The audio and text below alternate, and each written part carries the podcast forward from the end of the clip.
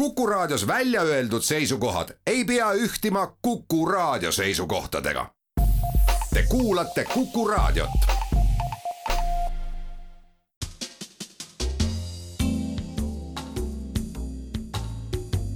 tarkade klubi tere taas, Kuku raadio Tarkade klubi tervitab häid kuulajaid augustikuu viimasel ja harvanähtaval viiendal laupäeval, kui mõneti ootamatultki tundub, et klimaatiline suvi on meile selleks korraks vist lehvitanud, andmata võimalust isegi vananaiste suve pidada. ja kus rõõmsat meelt läheb keskmisest rohkem vaja, et suure halli taga on näha värve.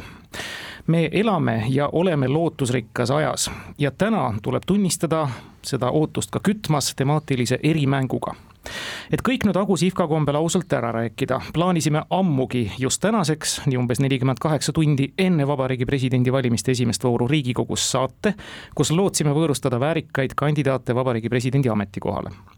aga nagu kuulajad on hästi kursis, läks sobivate kandidaatide sõelumistega pisut kauem aega, kui planeeriti ja tänaseks teadaolevad kandidaadid teatasid kahetsusega, et Tarkade klubis nad sel korral osaleda ei saa. aga me ei jätnud jonni ja seadsime võimalikele osalejatele samad kriteeriumid, kriteeriumid, mis on Vabariigi Presidendile Eestis pandud. Neid on kaks, sünnijärgne Eesti kodanik ja vähemalt neljakümne aastane. ja siis läks lihtsamaks ja veel lõbusamaks siis, kui ilmnes, et vähemalt kaks nendele tingimustele vastavat tänase saate osalist on juhtumisi teisegi sügisel toimuva suure otsustamise ehk kohalike omavalitsuste valimiste linnapea kandidaadid Tallinnas et mõlemas kandidaadis on kindlasti peidus mälumängu pisik, aga Tarkade klubi saate kogemus puudub, otsustas saatejuht neile paariliseks otsida meie saate karastusega tublid mälumängusõbrad ja nõnda siis tänane osalejaskond kokku saigi nüüd palava pudru ümber lõpetades ja esimest matti võttes, siis tervitame stuudios Isamaa erakonna linnapea kandidaati, kunagi Vabariigi Presidendi institutsioonis lokkideni sees olnud Riigikogu saadikut Urmas Reinsalu. tervist kõigile! ja Urmase paarilisena head vandeadvokaati ja õppejõudu Urmas Kukke. tere! ja vastasmängijatest ütleme tere tulemast saatesse Reformierakonna linnapea kandidaat, omaaegne kahekordne minister ja kesklinna vanem Kristen Michal. Tere päevast! ja Kristeni kogenud baarimees on Tarkade klubi omaaegse nimelise ajakirja omaaegne peatoimetaja, tänane viljakas küsija ja teaduskommunikatsiooni õppejõud Tallinna Ülikoolis Arko Olesk. tere! olgu öeldud, et kõik stuudios viibijad on, kes napimalt, kes pisut rohkem, vanuses nelikümmend pluss ja sünnijärgsed Eesti kodanikud. olgu see nüüd vihjeks koalitsioonile, kui olemasolevate kandidaatidega ei peaks õnneks minema. aga tänase saate küsimused seostuvad igati sellega, mis meid ülehomme ja ka sügisel ees ootab. ehk siis teemad, milles igaühe all on kaks küsimust, on järgmised. esimesed leedid, Kadriorg, Konstantin Päts, linn on minu ja põhiseadus küsimuste autorid on Kiivimäe kooli ajaloo ja ühiskonnaõpetuse õpetaja Margus Pillau ja siinkõneleja Timo Tarve. alustame ja anname avavaliku õiguse saatevälise loosi tahtel Urmastele. palun, valige teema me läheme keerulistama, võtame selle esimese leedi kõigepealt. no see on kõige põnevam, keerulisem teema. saame hakkama muidugi saate ja saate kultuuri küsimusega, kas teate. oma nime järgi on Eesti Draamateater sõnalavastuste etendaja aga näiteks kolmkümmend aastat tagasi, äsja oma iseseisvuse taastanud Eestis, oli antud teatri üks esimesi uuslavastusi laste muusikal, milles oma seni viimase rolli tegi Helle Pihlak, kes aasta hiljem niisiis juba Helle Merina esileedi staatusesse asus tegemist on inglise autori David Woodi tükiga, mille režissööriks antud juhul oli Ivo Eensalu. Me küsimegi nüüd nii muusikali nime kui Helle Pihlaku rolli nime antud osa dublandiks oli Angelina Semjonova, kellel seda peagi siis juba ainsana täita tuli. küsitav rolli nimi tähistab ühtlasi midagi, mis hallidel aegadel mõnes maailma piirkonnas nii ohvriannina kui ka maksevahendina kasutusel oli taolisena muide on käesolev küsimus ühtlasi ka loodusküsimus. niisiis, hilisema Helle Meri viimane roll lastemuusikalis. no jah, muusikal ei kuulu üldse minu lemmikžanride hulka. ja, ja lapseeast noh, ma oletan, et ma selleks ajaks olin juba väljas, aga, aga no küsimus on jah, selles ohvriannis ja maksevahendis nüüd, mida mingi metall võis olla meil siis? no ohvriand võis igasugune asi olla. ainuke, mis mul meelde tuleb, on Puhhi ja Notsu oma, aga see oli Estonias. ja see, see oli ka vist algupärand üldse. Ega seda ei ole öeldud, kas see libreto oli originaal või on see kuskilt Äh, no ikka mugandatud. David Woodi tükk oli tegemist no,. Elle Pihlak tegi väga tugeva rolli, oli Pilvede värvides mul on meeles, et aga see on nüüd täiskasvanute äh, draamalavastus. vist ei olnud ka muusika või? no Pipi on olnud meil Estonias äh, tugev, kaheksakümnendate lõpul oli, mitu aastat mängiti jah, peale selle Estonia, Einsalust tuleb ainult Mõmmi Aabits meelde Vandersellid mm,. no, no ei mitte midagi. no kohe üldse mitte midagi. annate kolleegidele? anname kolleegidele. palun, Kristjan Arko. ega siingi laua pool valitseb hetkel nõutus ma ei tea, kas sul on mingi, mingit mälupilti mingisugusest äh, lastelavastusest tollest perioodist? ei, ei ole, et äh, mälupilti mul küll ei ole jah, ainukene asi, mis mul ka kõrvu jäi, oli seesama, et äh, miski, mis on olnud varasemalt ohvriand või, või, või maksevahend, aga no ilmselt sealt tuleb seda harutama hakata, sest noh, ainsa muusikanina, mis mul veel pähe kargas, on Charlotte Coop Võrku, aga minu meelest selle autor oli teine. Ja, ja sealt ka sellist mingit äh, rolli võib-olla ei, ei, ei oska kohe välja tuua, et, et äh, Charlotte või Ämblik ei ole vist ka olnud ei ohvriand ega maksevahend, et aga jah, et mingid loodusobjektid, mida on kasutatud maksevahendina, noh, tulevad meelde noh, kui ta peab olema elusloodusest tulenev, siis võib-olla mingid teokarbid, Äh, või, või, või, või, või, või hambad või küüned. nahad on ka olnud tegelikult maksevahendiks kunagi. ja nahad on ka olnud, aga kas nahk saab olla roll, noh, ega, et kas teokarki saab olla roll, eks ole. nojah, teame ju, et et Horvaatia raha kuna tähendabki vist vist nugise nahka või, või midagi sellist si siiamaani, et sealt on see nimi tulnud. aga jah, muus osas, muus osas on keeruline kas Teo Karp võib olla mingi roll? ma ei tea, mis see Teo Karp olla võiks, Merineits või midagi või midagi sellist, aga jah, noh, Merineitsi me teame, et on see kuulus multifilm Ariel, aga ega seda vist ei ole muusikaliks vähemasti siin Eestis tehtud ja see vist ei, ei pruugi olla korrektne.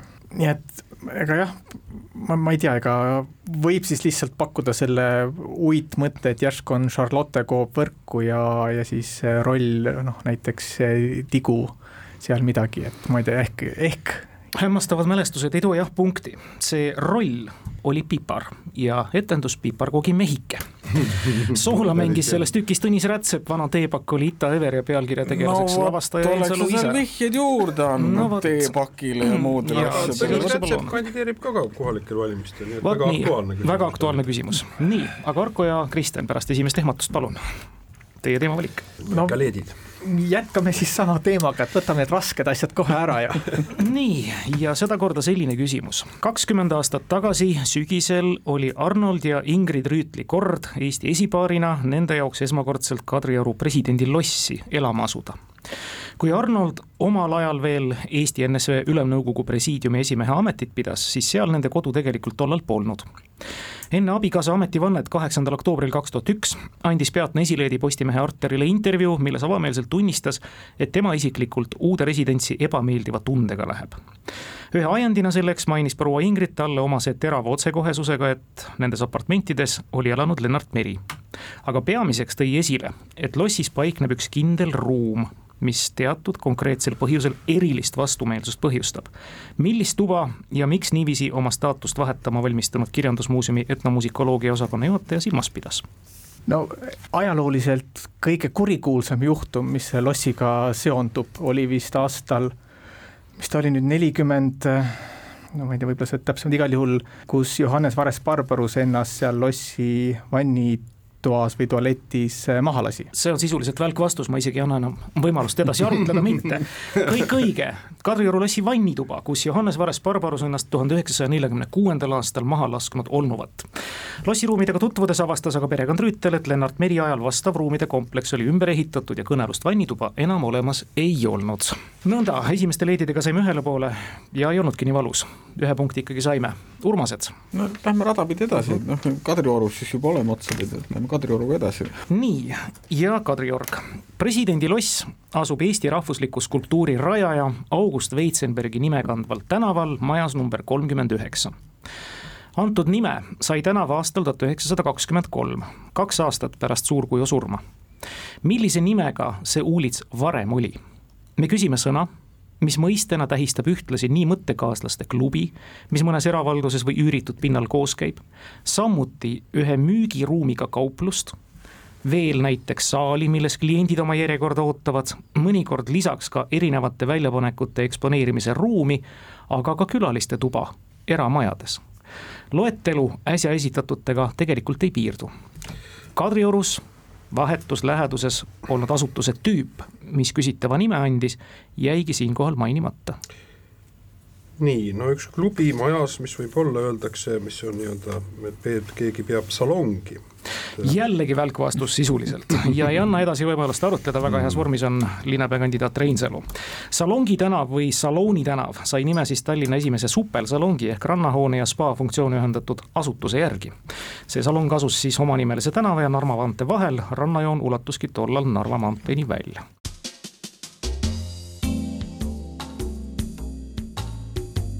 tarkade klubi.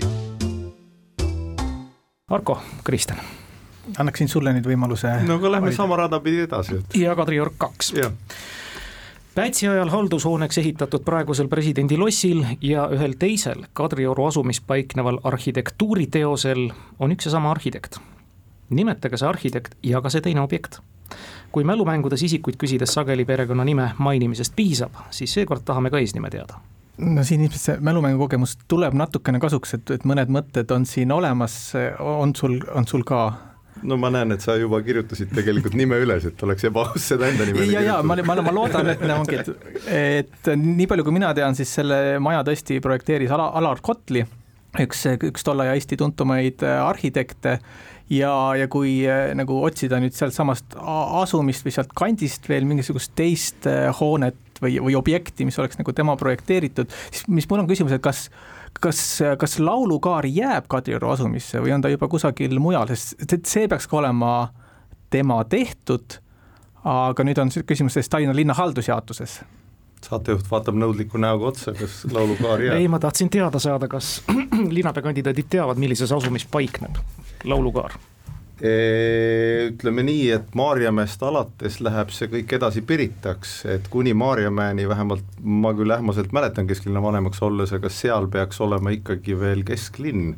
teest ülespoole on juba kõik peaks olema edasi, peaks Lasnamäe olema, nii et kui seal nüüd vahepeal midagi kõik õige, kõik õige, see oli lihtsalt testiks praegu pandud kontrolliti, et olen ärkvel. jaa, oled ärkvel, tõepoolest, me räägime Alar Kotlist ja Tallinna Laululavast, laululava kaasautor on arhitekt Henno Seppmann. ei ole niisiis välistatud, et järgmiseks presidendiks valitakse isik, kes hakkab töötama ja ehk ka elama hoones, mille loojaks on tema nimekaim aga see selgub siis ülehomme. selline vihje. jaa, aga nüüd palun, Urmased no juba... Kadriorg, siis läheme edasi, jah. Või, või Päts oli Kadriorg on läinud. siis on Päts oli juba nii, Päts. ja, ja nüüd jõuame spordiküsimuseni sada kakskümmend aastat tagasi sai tulevasest riigivanemast ja Eesti esimesest nii peaministrist kui presidendist, tollasest advokaat Jaan Puska abist ja Teatajalehe toimetajast ühe vast asutatud spordiseltsi aseesimees. millise spordiala ja mis nimega seltsi aseesimees. küsitaval alal on Eesti sportlased koju toonud kolm olümpiakulda. Need spordiselts on, et tegelikult millal see Kalevi sajandit tähistati? Kalev peakski olema vanem kui sada ja esimene spordiselts vist oli üldse jalgratta oma, ma oletan, et see spordiala on jalgrattasõit ja, ja Kalev minu arust vist alustaski jalgratta. Te olete heas vormis, midagi pole öelda, tõepoolest, see on jalgrattasõitjate selts Kalev, millest hiljem sujuvalt spordiselts Kalev välja kasvas. asutati niisiis esialgselt jalgrattaharrastajate ühinguna, esimeheks oli advokaat Ferdinand Karlsson. Tuljaku sõnade autor muide. Aavo Pikkusi ja Erika Salumäe võidetud kullad olid ka küsimuses vihjena sees. kaks-kaks ja pool mängu juba selja taga. nii, kas lähete sama rada pidi edasi? Lähme sama rada pidi edasi ja, ja nüüd saate teie hoopis linnuküsimuse teemal Konstantin Päts tegelikult on see siis muuhulgas ka linnu küsimus. Konstantin Päts lõi aastal tuhat üheksasada kakskümmend seitse kaasa ühe asutuse algatamisel ja selle esimeseks esimeheks ta ühtlasi ka sai. antud organisatsiooni tuhande üheksasaja neljakümnendal aastal katkenud toimimine taastati aastal tuhat üheksasada üheksakümmend üks sihtasutusena, praegu ametlikult mittetulundusühing ja me küsime, mis asutus küsitava, mille logol sisekujundajate Urmo ja Tüüne-Kristin Vaikla stiliseeritud luik on tegevuse ehk avalikkusele nähtavaim osa, avaldub iga-aastaselt oktoobrikuu kolmandal laupäeval. tänavu siis jah, üks päev enne omavalitsuste valimisi nii, oktoobrikuu kolmas laupäev, siis peab olema kas mingi, mingi nimeline päev, mida tähistatakse või mingi üritus või mingi au, au, asi, mida välja antakse. Et tegelikult ka mõtleme, eks ole, isadepäev, emadepäev, need on ju kõik mujal. vist, vist äh, mingisugused teised äh, kuud ja teised nädalapäevad. mis võiks olla oktoobrikuus? ma isegi ei tea, kas meil vanavanemate selts näiteks ei ole kuskil või vana, vabandust, selts, vabandust, aga vanavanemate päeva ei ole kuskil september või oktoober sealkandis. nüüd peast ei tea ka. võin siin eksida, vabandan ette, piinlik on juba, kui valesti ütlen, aga aga midagi september-oktoober on. jah, see, see on, see variant tuli ka mulle pähe, aga, aga seltsi vist sellega otseselt vist väga ei seostu esimese hooga ei peagi seostama mm, -hmm. ma lihtsalt mõtlen eh, oktoobri kolmas laupäev, mis oktoobrikuus veel on? Mihklipäev või ei, see oli, see on vist septembris. Ausalt öeldes tunnistan, et ei viska küll kohe väga midagi ette, mis sellel ajal võiks olla. ma vihjan juurde, et tegemist on riikliku tähtpäevaga. riiklik tähtpäev ikkagi, jah. Äh, kas lausa lipupäev? siin ma jään vastuse võlgu ega noh, ega neid lipupäevi vist ka väga palju ei ole. aga kui proovime nagu teiselt poolt äh, läheneda, et mis võiks olla selline oluline asutus, äh, lausa, lausa sihtasutus mingil, mingil hetkel ja, ja logo luik, eks ole, luiged seonduvad merega, seonduvad looduskaitsega, seonduvad Põhjamaadega, noh, looduskaitse seltsil on on meil äh, lendorav hoopis, hoopis äh, logo peal, seal luike ei ole. nii pingsalt mõelda suudaks igasuguseid uusi tähtpäevi välja mõelda, aga aga vanemaid on raskem meenutada, eks, et ähm, riiklik tähtpäev oktoobris, midagi taludega seoses, kodu kaunistamine, äh, millal antakse kaunimate kodude tiitlid välja näiteks, sest seda kampaaniat Päts omal ajal kõvasti vedas kuigi see võis olla ajaliselt pisut hilisem. mingeid kaunima talukonkursse, niisuguseid asju ei ole kunagi, ilmselt mitte, jah. no sama, nüüd on see muutunud kaunimateks kodudeks, eks ja. ole, et äh, mis äh, on jah, võib-olla, võib-olla rohkem suve lõpus hmm.. emakeelepäev on märtsis, veteranide päev on aprillis.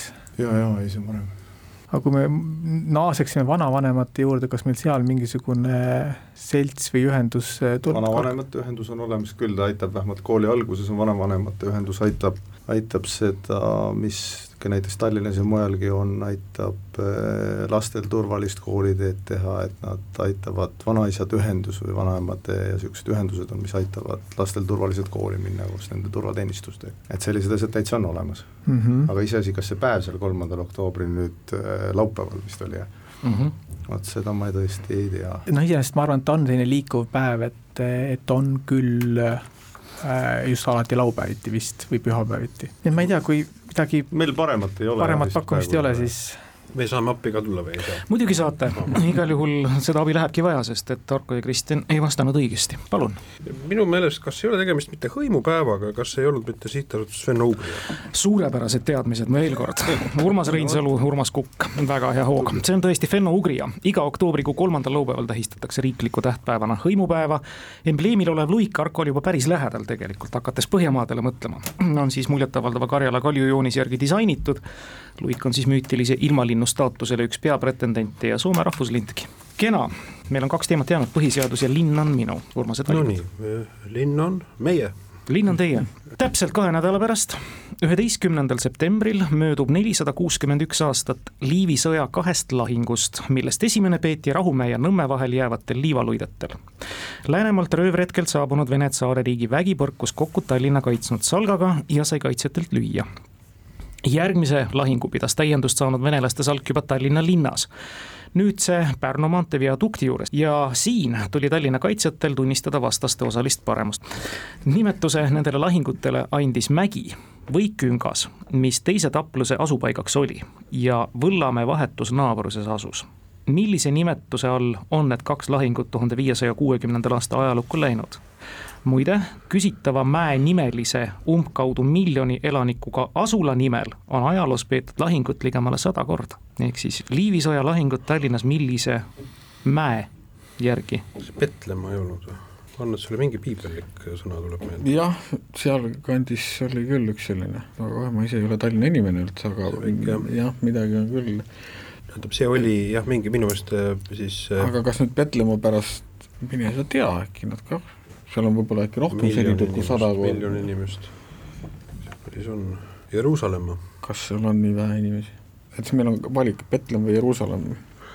noh jah, ma ei tea noh jah, Kolgata on nüüd täna Jeruus-, Jeruusalemma osa ja see ei ole vist kunagi linn olnud, mis oli selgelt, oli mägi, aga pigem vast sel juhul Betlemm, sellel on nagu suurem tähendus kui Jeruusalemmal. Kristjan pilgutab silma, pagan teab, mis see tähendab ei pilguta lükkan ümber valeinfo edastamise kuulajatele mm,. äkki oli Jeruusalemma, vot see on salati, et eh, tead, sa vähe mängid, aga üldiselt esimene variant, mis pähe kargab, on tavaliselt õige. et äkki seekord ka pluss veel äkki algajonn ka veel. pagan, see oli Jeruusalemm, mulle tundub, aga lööme Petlemma lukku siis. Petlemm ei ole õige vastus nii, Kristjan tunneb kodukanti kodukanti tunnen kaasajal hästi, aga, aga aga ma jäin ka mõtlema selle arutelu üle äkki. no eelmine kord, kui ma siin saates käisin, siis äh, ma hiilgasin sellega, et ähm, suutsin valida kahe vastuse vahel tavaliselt vale ja siis andsin kandikul vastustele õige vastuse ette ja teinekord äh, karma mängib oma rolli. Ma arvan, et õige vastus peaks olema Jeruusalemm. täpselt nii ongi, see õige vastus on ikkagi Jeruusalemm. pisut alla miljoni elaniku Jeruusalemma mägi ja minu teada ka vist Eesti vanim mälestusmärk Marta tänaval on pühendatud Jeruusalemma lahingule, Jeruusalemma mäe lahingule.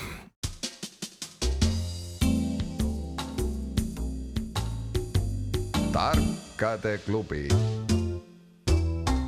nii, Arko Kristjan, lähete stiilipuhtalt edasi? jaa, absoluutselt. niisiis, me räägime, linn on siis nüüd teie. Tallinnas on kokku kaheksakümmend neli asumit kaks neist, Rocca al Mare ja Tondiraba, on sellised, kus aasta alguse seisuga ei elanud mitte ühtegi registreeritud elanikku. nüüd aga küsime ühte Tallinna asumit, kus viimastel andmetel elas rahvastikuregistri andmetel tervelt neli tallinlast tegemist on Haaberstis asuva asumiga, mis piirneb Harku vallaga ja on saanud nimetuse kunagise kõrtsi järgi. tänase päeva tuntuim rajatis asumis on kindlasti Harku ilmajaam. kui veel vihjeid soovite, siis meenutage Eduard Vilde loomingut. Harku ilmajaam. see kant on mulle üsna võõras, et pole nagu sinna väga sattunud. mina jälle aeg-ajalt sõidan sealt täitsa mööda, tunnistan, ja sealkandis ka käin aga seal neid eh, nii-öelda asumisilte enam on üleval, et siin kesklinnas on need küll hästi markeeritud ma ei tea, Sibula küla, Kelmi küla, kõik neid nii edasi, aga seal niimoodi äärealadel nad võib-olla selle suure maantee ääres ei pruugi olla või? neli inimest, seal on ilmselt siis seal on kas mingisugune tehno või nende ladude ja kõike muu sellise piirkond, eks ju. et seal on küll üks puumaja on tee ääres, ma ei tea, kas seal on inimesi sisse kirjutatud või kuskil mujal, kui ma nüüd õiget kohta mõtlen, aga aga ma nime küll ei tea sellel asumil, et mis see asumi nimi võiks olla. nojah, meil on kaks äh, juhtlõnga, kust kinni hakata. tee läheb sealt vist mööda ja teiselt poolt läheb Paldiski maantee vist, on, on see nurk või? vist, no Paldiski maantee küll kanti jah. Paldiski maantee tähetorni nurgas, see peaks ja. olema seal, kus on see Cramo ja teisel pool on mingisugune muu asi, aga ma isegi ei tea, mis selle vanasem mingisugune realiseerimiskeskus oli seal, aga ma isegi ei tea, mis selle äkki siis ilmajaama või midagi sellist oleks vaimukas nagu? jaa, aga siin oli meil vihje Vilde loomingule, et, et see on nagu see, kust saab kinni hakata, sest noh, teine variant oleks teada neid vanu kõrtse, aga ma pean tunnistama, et nendega ma ka nüüd üleliia hästi kursis ei ole, mis siin, mis siin sada aastat tagasi olla võisid, et noh, ma ei tea, Vilde, Vilde loomingust äh, sellised kohanimed, eks ole, on meil äh, Mahtra, Mäeküla Äh, Anija, noh Anija on juba niigi vald, eks ole, et ma arvan, et see nagu ei, ei, ei, ei klapi, aga siis äh, Mahtra või Mäeküla on, on nagu mingisugused variandid. jaa, noh, seal on mägi küll või kallak on seal küll, eks ju, noh, natukene küll enne, eks, kui ma nüüd ikka õiget kohta mõtlen, et äh, loodan, et ei mõtle valet kohta, et noh, selle loogika järgi võib see Mäeküla olla küll, eks. no pakume ja viimasest vihjest oli abi, tundub nii, see tõepoolest on Mäeküla asum. Nelja elanikuga. Ja kui Kristjan rääkis, et ta sõidab seal päris tihti läbi, mõtlesin, et äkki nendel neljal elanikul käibki külas siis valijatega kohtumas, aga ju siis see nii ei olnud. me oleme hästi tasavägises mängus kõigi selle teadmiste rohkuse juures, Harkul Kristjanil on punkte praegu neli, Urmastel on kolm, põhiseadus jääb mängu lõpetama, vandeadvokaat ja ma usun, et Urmas Reinsalu vist ka probleeme väga ei ole. esimene küsimus. juba ülehomme kogunevad Riigikogu liikmed ja siitki stuudiost kaks inimest parlamenti valima vabariigi presidenti. Läheb see korda või mitte, seda siis näeme nagu ühiskonnaõpetusest hästi teada, sätestab põhiseadus, et vabariigi presidendi ülesandeid saab täita juhul, kui vabariigi presidenti valitud ei ole või ta mingil põhjusel oma kohustusi ei täida, Riigikogu esimees. seda siis uue valitud vabariigi presidendi ametivandeni. põhiseadus ja muud asjasse puutuvad seadused annavad Riigikogu esimehele vabariigi presidendi ülesannetes üldjoontes sama pädevuse ja õigused, mis vabariigi presidendile. kahe erandiga, mida nüüd teilt küsimegi ehk siis, mida ei tohi teha Riigikogu esimees Vabariigi Presidendi ülesannetes sellist, mida Vabariigi President võib. Neid asju on siis kaks ja seaduses on siiski mööndus, et Riigikohtu vastava loa korral ta siiski tohib neid teha.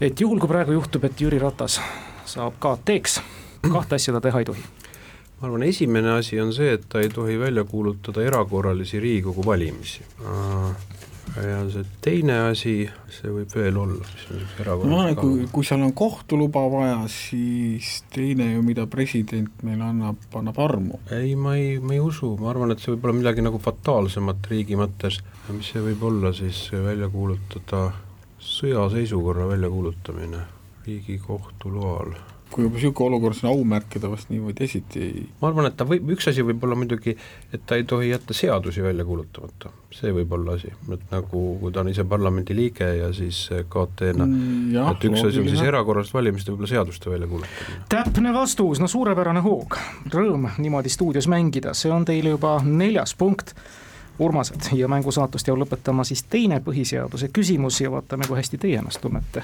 Kristjan vaatab juba täitsa huvitatult, Arko on pisut kõhklevamal seisukohal. ilmselt õige pea näeme juba peagi Riigikogus järjekordset sooviavaldust põhiseaduse muutmiseks. kui Keskerakond oma lubadust peab, peaks ta sisse andma siis järjekordse seaduseelnõu Vabariigi Presidendi otsevalimisteks nagu teada, võib põhiseadust muuta kas rahvahääletusel, Riigikogu kahe järjestikuse koosseisu poolt või Riigikogu poolt kiireloomulisena nii, et selle kiireloomulisuse poolt hääletab eelnevalt kaheksakümmend üks Riigikogu saadikut ja põhiseadust ennast muutes juba kuuskümmend kaheksa saadikut. põhiseadus näeb ette kaks juhtu, kui teda muuta ei saa mitte mingi nipiga, ussi ega püssirohuga. mis need kaks juhtumit on, kui põhiseadust muuta ei saa? Ei lugenud hommikul põhiseadust läbi, tuleb tunnistada, ei ole nii hästi kursis, millal sina viimati põhiseadust lugesid? Mm,? hommikul kindlasti mitte, ma tunnistan, hommikul mul oli muid tegemisi, aga aga noh, ma ei tea, mis on need juhud, kus põhiseadust muuta ei saa, noh näiteks rahvahääletuse keeld on, on välislepingute ja maksuküsimuste puhul ja selliste kaitseküsimustega, eks. Mm ma ei tea, üks võimalik olukord on sama, mis siit eelmisest vastusest läbi käis, selline kas siis eh, sõjaolukord või eriolukord, et eh, võib-olla nii-öelda välistamaks riigi kiiret kaaperdamist, on, on praegu selline keeld sisse kirjutatud, no näiteks. et kiireloomulisena või, või et üleüldse või jah, et üleüldse sellises olukorras ei tohi põhiseaduse kallale minna. ja noh, ilmselt see peab olema jah, mingisugused nii-öelda olukorrad, noh, nii, nii ma seda küsimust äh, tõlgendan, et, äh, et me peame kirjeldama neid olukordi, mille korral ei, ei saa põhiseadust muuta isegi siis, kui sul on, ma ei tea, kas või terve Riigikogu hääletab poolt. noh, ma arvan, et see arutelu käik on loogiline jah, aga ma lihtsalt üritan, kaks juhtu oli seal, mida mm -hmm. küsiti.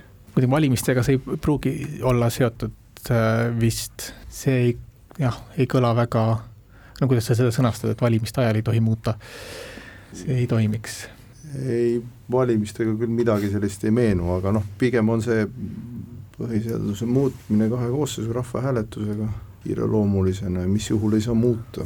Või siis ka, kas on, on mingi olukord, et näiteks, et meil ei ole parasjagu Riigikogu või et Riigikogu on laiali saadetud näiteks või, või et president ei ole ametisse astunud või on mingi selline, kusagil on mingisugune lünk meie institutsioonide toimimises, et et eh, noh, ma ei tea, näiteks, et tõesti Riigikogu on laiali saadetud, toimub eh, rahvahääletus, aga aga see ei, ei, ei tohi muuta, sellepärast et meil ei ole Riigikogu tol hetkel või, või midagi sellist.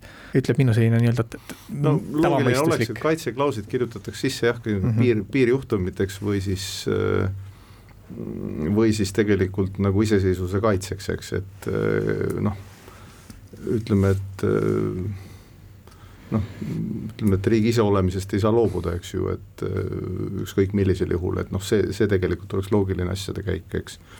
iseasi, kas seda on vaja isegi üle korrata, aga aga ausalt öeldes ei ole seda niimoodi vaadanud selle pilguga, ju pole tulnud ka mõtet seda muuta, eks ju. jah, no ilmselt siis nagu üks pool on, mida me saame pakkuda, ongi tegelikult see, et mis tahes eriolukorra või sõjaseisukorra ajal muuta ja teine tegelikult on iseseisvusest kuidagi loobuda või, või järgi anda mingis riikluses, aga ma isegi ei oska seda nagu täpsemalt ka sõnastada hetkel ausalt öeldes. Urmas Reinsalu vaatas põhjusega praegu saatejuhi poole, ma vaatan vastu ja küsin ka teie vastust. no ma arvan, et äh, mm, mis on, ütleme, asi, kus võib asi uperkuukti lennata, kui ühe korraga tehakse ära, ma arvan, et see kõigepealt on põhiseaduse enda muutmine, et tegelikult põhiseaduse muutmise enda peatükki ei saa panna niimoodi Äh, kiirelt muuta ja teine on tegelikult noh, mõnes mõttes Kristjan seda osundas, ma arvan, et see on üldsätete peatükk, kus on tegelikult riigikord ära määratletud, et üldsätete peatükk ja põhiseaduse muutmise peatükki ei saa panna. põhiseadus ütleb, et teda muuta ei saa siis, kui riigis on kas erakorraline seisukord või sõjaseisukord. No nii et pool punkti läheb siit Arkole ja Kristjanile ja see tähendab, et selle napi poole punktiga olete te tänase sõbraliku ja muidu viigihõngulise mängu võitnud. nii et selline teadmine juures ja Arko selle rajani viis, nii et ühiskonnaõpetuse tund on ilusti läbitud. väga tore oli teiega, väga hoogne ja meie mängu traditsioon näeb ette küsida nüüd teie käest, mis parim kuuldud küsimustest teie meelest oli?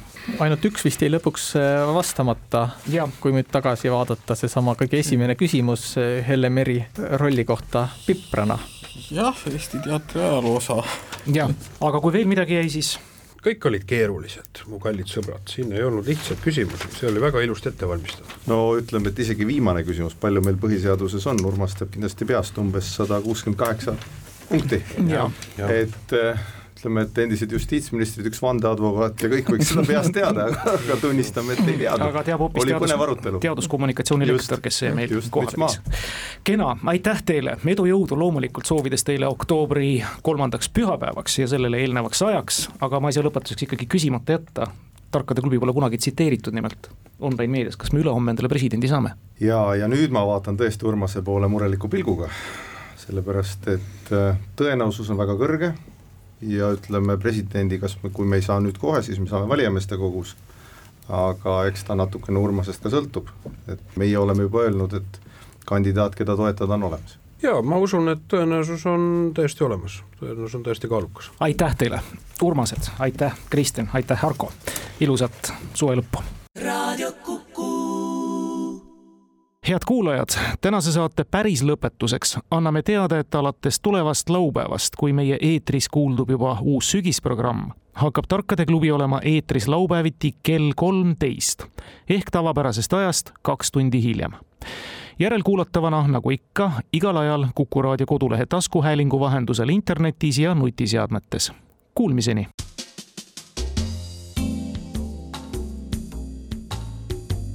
tark tarkade klubi